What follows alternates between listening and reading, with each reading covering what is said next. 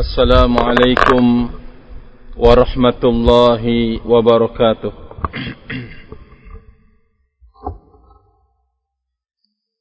الحمد لله الذي أرسل رسوله بالهدى ودين الحق ليظهره على الدين كله وكفى بالله شهيدا. أشهد أن لا إله إلا الله وحده لا شريك له إقرارا به وتوحيدا وأشهد أن محمدا عبده ورسوله صلى الله عليه وعلى آله وسلم تسليما مزيدا أما بعد فأوصي نفسي أولا وإياكم بتقوى الله فقد فاز المتقون. قال الله عز وجل في كتابه يا أيها الذين آمنوا اتقوا الله حق تقاته ولا تموتن إلا وأنتم مسلمون. معاشر المسلمين muslimat yang dirahmati oleh Allah Subhanahu wa taala. Alhamdulillah kita kembali mendulang anugerah dan nikmat dari Allah Subhanahu takutan kengerian tidak aman terhadap kaum muslimin. Maka ketahuilah Islam atau Allah Azza wa Jalla telah menurunkan agamanya untuk memberikan rasa aman kepada setiap hamba-hambanya dengan bimbingan-bimbingan agama. Seseorang bila mengerti tentang hakikat agamanya dia tidak akan berani untuk berbuat zalim terhadap seorang pun atau terhadap dirinya, terhadap istrinya, terhadap anaknya. Bagaimana lagi akan berbuat zalim terhadap masyarakat muslimin atau bangsa dan negara muslimin? Tidak akan. Kalau seseorang itu benar-benar mengerti tentang hakikat ilmu agamanya, maka dia akan memberikan solusi pertama kali pada dirinya dan akan bisa memberikan solusi buat orang lain. Ma'asyiral muslimin yang saya hormati, maka oleh karena itu orang Islam harus berilmu tentang agamanya. Orang Islam harus mengkaji dan mendalami agamanya. Karena betapa banyak maaf-maaf sebagai orang Islam banyak melanggar aturan-aturan agama. Aturan yang paling besar. Malapetaka dan mara bahaya serta dosa yang paling mengerikan yang dilanggar adalah perbuatan menyekutukan Allah Azza wa Jalla. Pelanggaran yang sangat besar segenap saudaraku kaum muslimin yang saya hormati. Maka oleh karena itu, mari kita bersama-sama duduk sesaat belajar mengkaji agama kita agar kita benar-benar di saat mewujudkan dan menyuarakan kaitannya dengan agama kita atau mengamalkan kandungan agama kita benar-benar terbangun di atas ilmu ma'asyiral muslimin dan muslimat yang saya hormati. Termasuk di antaranya adalah sebuah persaksian yang kita berikan di dalam hidup terhadap kalimat Muhammad Rasulullah. Ashhadu anna Muhammadar Rasulullah. Saya bersaksi bahwa Muhammad adalah utusan Allah. Ketika seseorang muslim dan muslimah mengucapkan kalimat ini apalagi mengulang-ulangnya baik di dalam solat ataupun di luar solat, maka makna persaksiannya adalah dia berilmu. Karena seseorang tidak mungkin akan diangkat menjadi saksi kalau dia tidak mengerti persoalan atau dia tidak akan berani memberikan persaksian kalau dia tidak mengilmui tentang apa yang dipersaksikannya. Ma'asyiral muslimin yang saya hormati, mari kita dalami bersama-sama sebagai bekal, sebagai modal kita terhadap sebuah persaksian kita sendiri terhadap syahadat yang kedua yaitu wa ashhadu anna Muhammadan Rasulullah. Bersaksi bahwa Muhammad adalah utusannya Allah. Kalimat ini atau makna kalimat syahadat Muhammad Rasulullah kita fahami bahwa Muhammad itu benar-benar utusan Allah saya persaksikan. Apa yang terdapat di dalam kalimat persaksian kita terhadap Muhammad sebagai utusan Allah Azza wa Jalla? Pertama kita dituntut tentang pengetahuan kita. Kita dituntut untuk berpengetahuan tentang nabi kita Muhammad sallallahu alaihi wa ala alihi wasallam. Satu untuk kita benar-benar jujur dalam memberikan persaksian.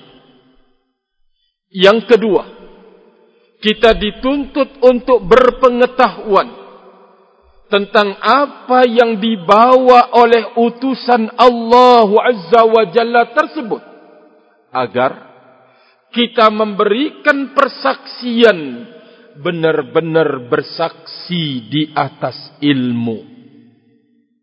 Apa yang dibawa oleh beliau.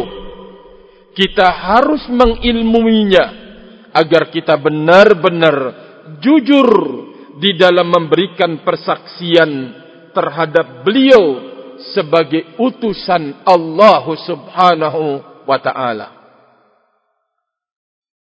Yang kedua, yaitu yang keberikutnya. Di saat seseorang mengatakan bahwa saya bersaksi bahwa Muhammad adalah utusan Allah, berarti beliau tidak boleh untuk didustakan.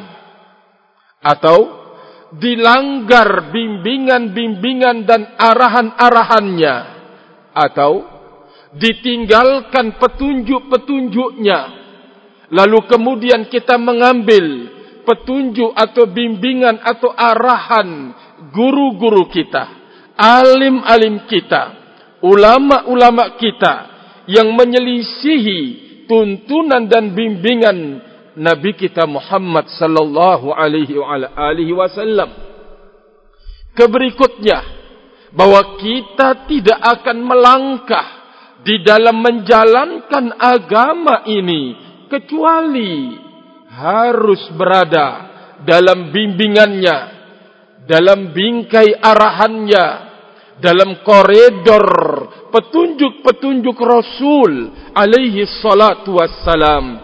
Aduhai, betapa tinggi makna dalam persaksian seseorang muslim terhadap Muhammad sallallahu alaihi wasallam sebagai utusan Allah subhanahu wa ta'ala.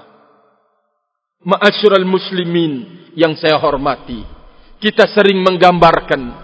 Kalau misalkan kita berada sebagai pekerja di sebuah instansi lalu datang utusan dari atasan bagaimana kesiapan kita untuk menyambutnya?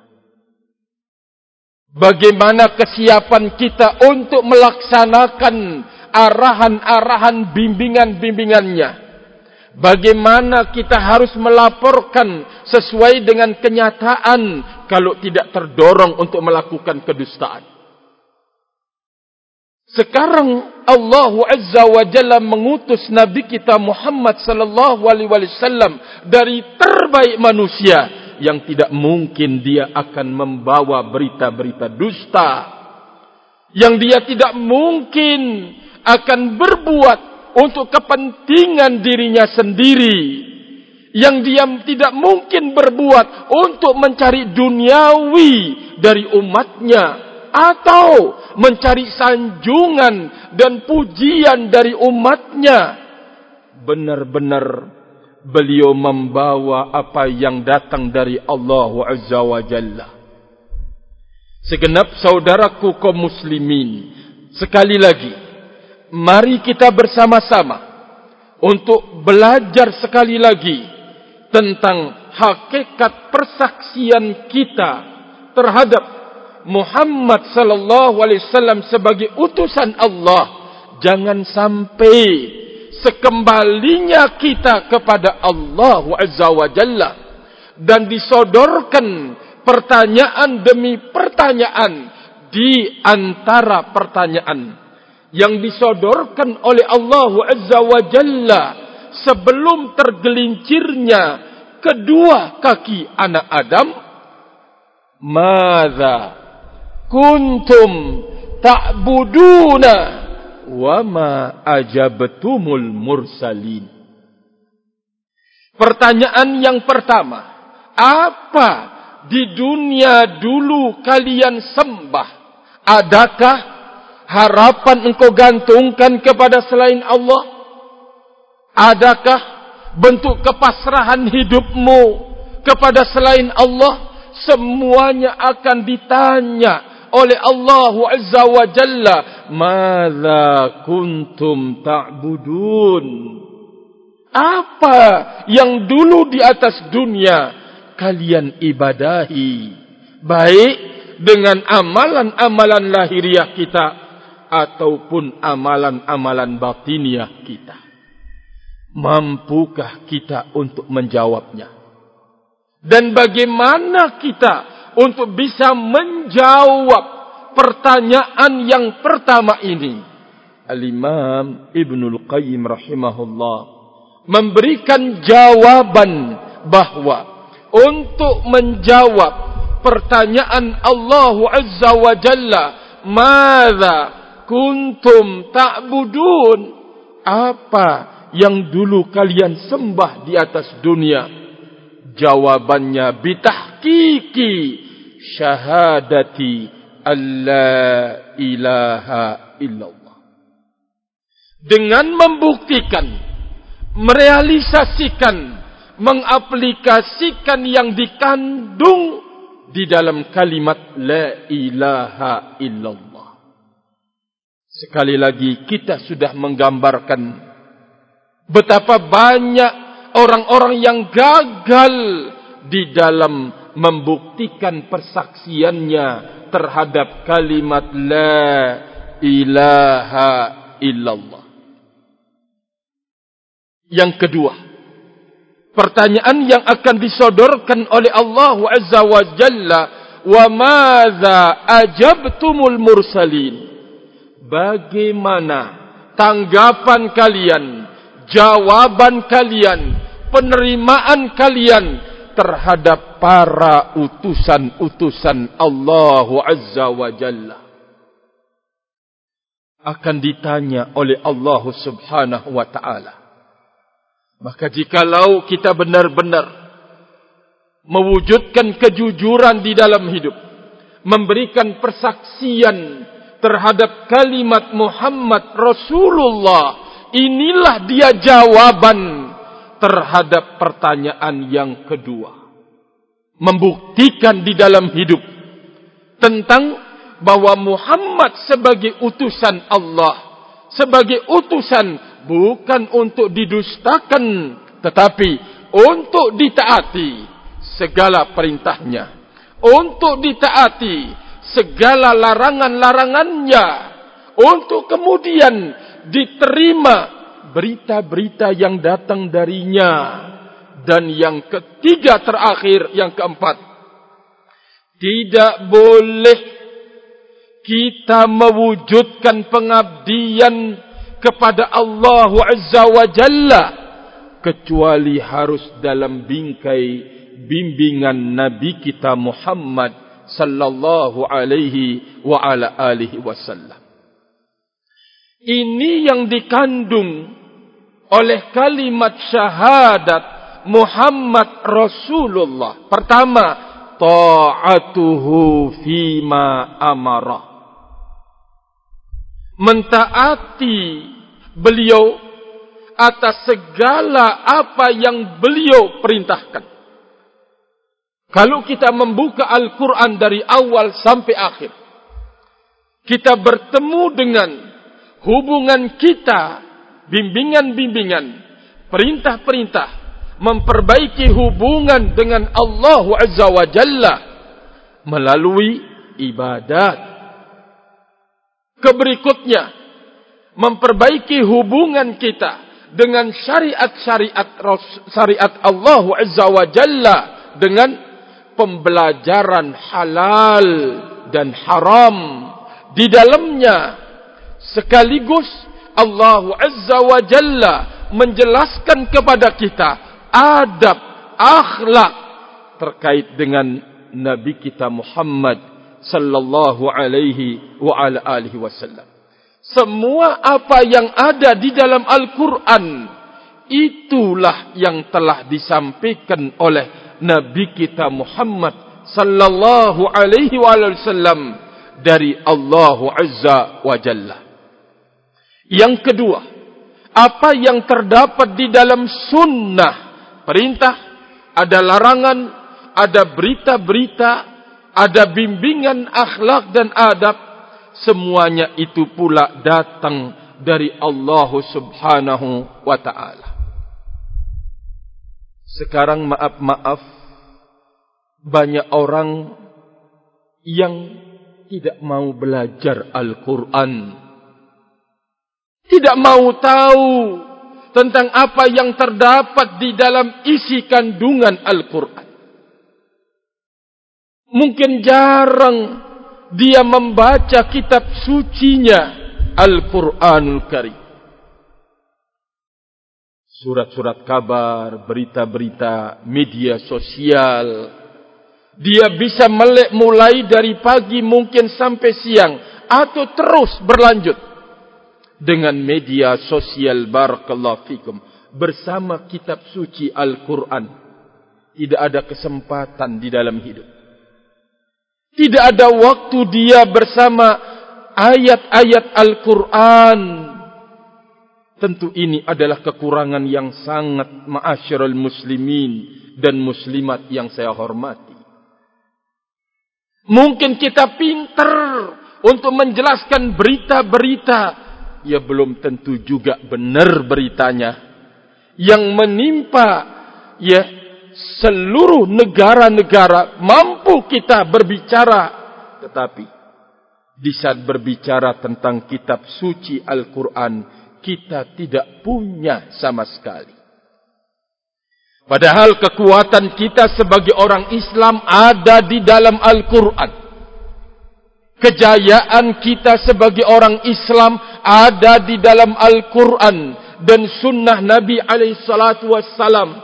Jawaban dari semua problematika hidup ada di dalam Al-Quranul Karim. Ma'asyiral muslimin yang saya hormati. Tapi kita menjauh darinya. Kita tidak mau mengkajinya. Kita tidak mau mengulangi membacanya maka ini tentu sebuah kelemahan yang sangat-sangat mendasar pada diri kita orang-orang Islam. Bagaimana kita akan bisa meraup sebuah kewibawaan hidup sementara pegangan hidup yang dengannya kita akan menjadi wibawa kita singkirkan di dalam hidup kita. Kita tidak pernah mengkajinya. Kita tidak pernah kemudian membacanya ma'asyiral muslimin yang saya hormati mungkin ada yang beralasan saya tidak bisa membaca terjemahannya, tidak bisa mengerti bahasa Arab. Allahu Akbar. Pemerintah kita telah memberikan kemudahan. Mereka membuat sebuah barakallahu fikum penanganan khusus tentang Al-Quran dari urusan agama menterjemahkan untuk kemudian bisa orang-orang di luar atau kita orang Indonesia bisa memahami apa yang terdapat di dalam Al-Quran. Sesungguhnya kita tidak punya alasan ma'asyarul muslimin. Tinggal sekarang kemauan pada diri kita. Kalau ingin kebaikan di dalam hidup dan kelurusan hidup, maka jangan tinggalkan Al-Quranul Karim. Baca. Walaupun mungkin kita membaca surat Al-Fatihah berulang-ulang, berulang-ulang. Sampai kita hafal terjemahannya. Sungguh betapa nikmat. Dan salah satu mukjizat terdapat di dalam Al-Quran. Kita tidak pernah bosan untuk mengulang-ulanginya. Barakallahu fikum. Berbeda dengan membaca Quran. Ulangi, wis ada rasa bosan. Tetapi termasuk mukjizat Al-Quran walaupun dibaca terus menerus kita tidak pernah bosan dengan bacaan itu barakallahu fikum maka oleh karena itu ma'asyiral muslimin yang saya hormati bahwa kalau kita ingin mengerti perintah larangan berita-berita berikut bimbingan-bimbingan Ar-Rasul alaihi salatu wassalam di dalam Al-Quran sudah ada dan di dalam sunnah Nabi alaihi salatu wassalam sudah ada barakallahu fikum. Sekali lagi tinggal kita punya kemauan untuk belajar agama Allah Subhanahu wa taala. Dan jangan sekali-kali kita menganggap orang yang belajar Al-Qur'an dan belajar sunnah Nabi alaihi salatu wassalam kita lihat kita pandang dengan mata sebelah. Seolah-olah tidak punya arti besar bagi perkembangan dan kemajuan negeri kita ini segenap saudaraku kaum muslimin yang saya hormati sudah kita sebutkan di depan dan sering kita menyinggung bahawa solusi untuk menjawab semua problem yang terjadi di negeri kita ini dengan kembali kepada pengajaran kitabullah dan pengajaran sunnah Rasulullah sallallahu alaihi wasallam. Kita akan menemukan kita akan menjumpai kalau kita memandang dengan penuh keadilan bahwa orang yang belajar Al-Quran dan belajar sunnah Nabi alaihi salatu wassalam mengamalkan sebagaimana datangnya mendakwahkan sebagaimana yang dimaukan oleh Allah Azza wa Jalla dan Rasulnya berkontribusi terhadap negeri kita ini yang sangat besar sesungguhnya rahimani wa rahimakumullahu jami'an. Maka oleh karena itu barakallahu fikum mari kita bersama-sama untuk kemudian mengulangi kembali apa yang sudah kita pelajari dari pendidikan SD atau ibtidaiyah atau kemudian beranjak ke sanawiyah atau mungkin sampai ke perguruan tinggi jurusan agama kita harus melakukan koreksian apa yang kita pelajari.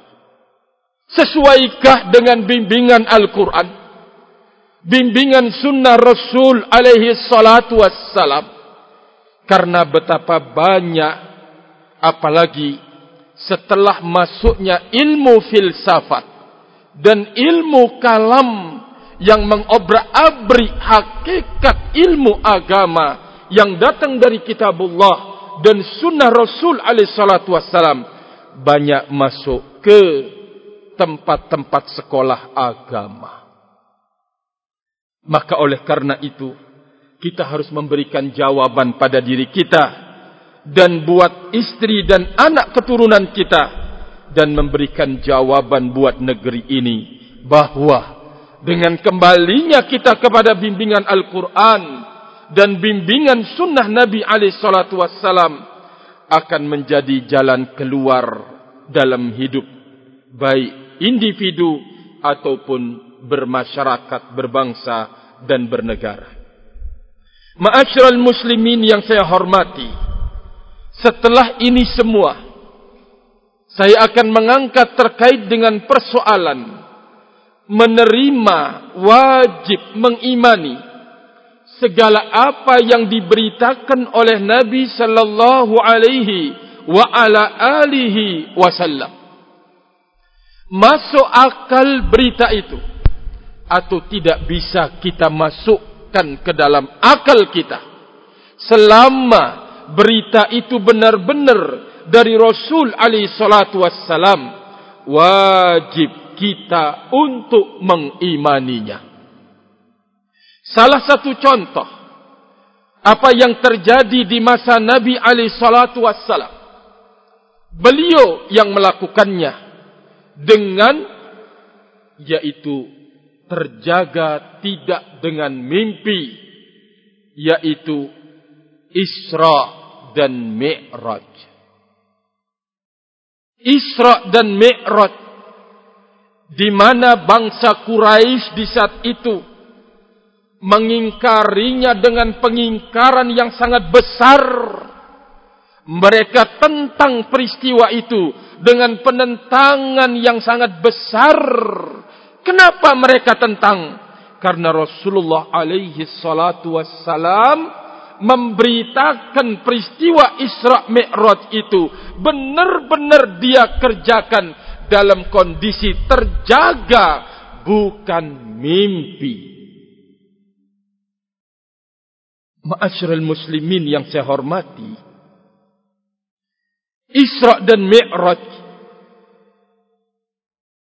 yang dilakukan oleh Nabi alaihi salatu wassalam untuk mengambil sebuah amanat besar dari Allah Azza wa Jal di dalam sejarah peristiwa Isra dan Mi'raj ini termasuk hikmahnya adalah menghibur Nabi kita Muhammad sallallahu alaihi wa ala alihi wasallam setelah meninggal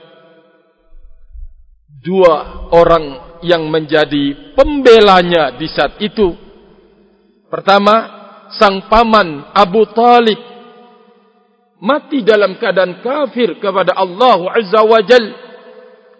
Dan yang kedua, meninggalnya seorang wanita pejuang agama yang membela dan melindungi serta membantu beliau dalam suka dan duka. Dialah istri Khadijah bintu Khuwailid radhiyallahu taala anhu. Lalu Allah Azza wa Jalla memanggil beliau melalui utusan Allah yaitu malaikat Jibril dengan menunggangi seekor binatang yang disebut dengan burak. Burak ingat jangan sampai kita termakan perang ideologi mungkin bapak-bapak kami ibu-ibu kami ketika disebut burak mungkin yang teringat adalah yaitu berbadan kuda berwajah manusia wanita cantik. Ini sesungguhnya sebuah bentuk penghinaan dan pelecehan terhadap Nabi kita Muhammad sallallahu alaihi wasallam sampai-sampai menghadap Allah Azza wa Jalla tidak lepas dari wanita. Sebuah pelecehan dan penghinaan. Tidak boleh ada orang Islam untuk menerima bahwa burak itu digambarkan sedemikian rupa. Na'udzubillahi min dzalik. Burak itu adalah hasil perkawinan antara kuda dan bighal.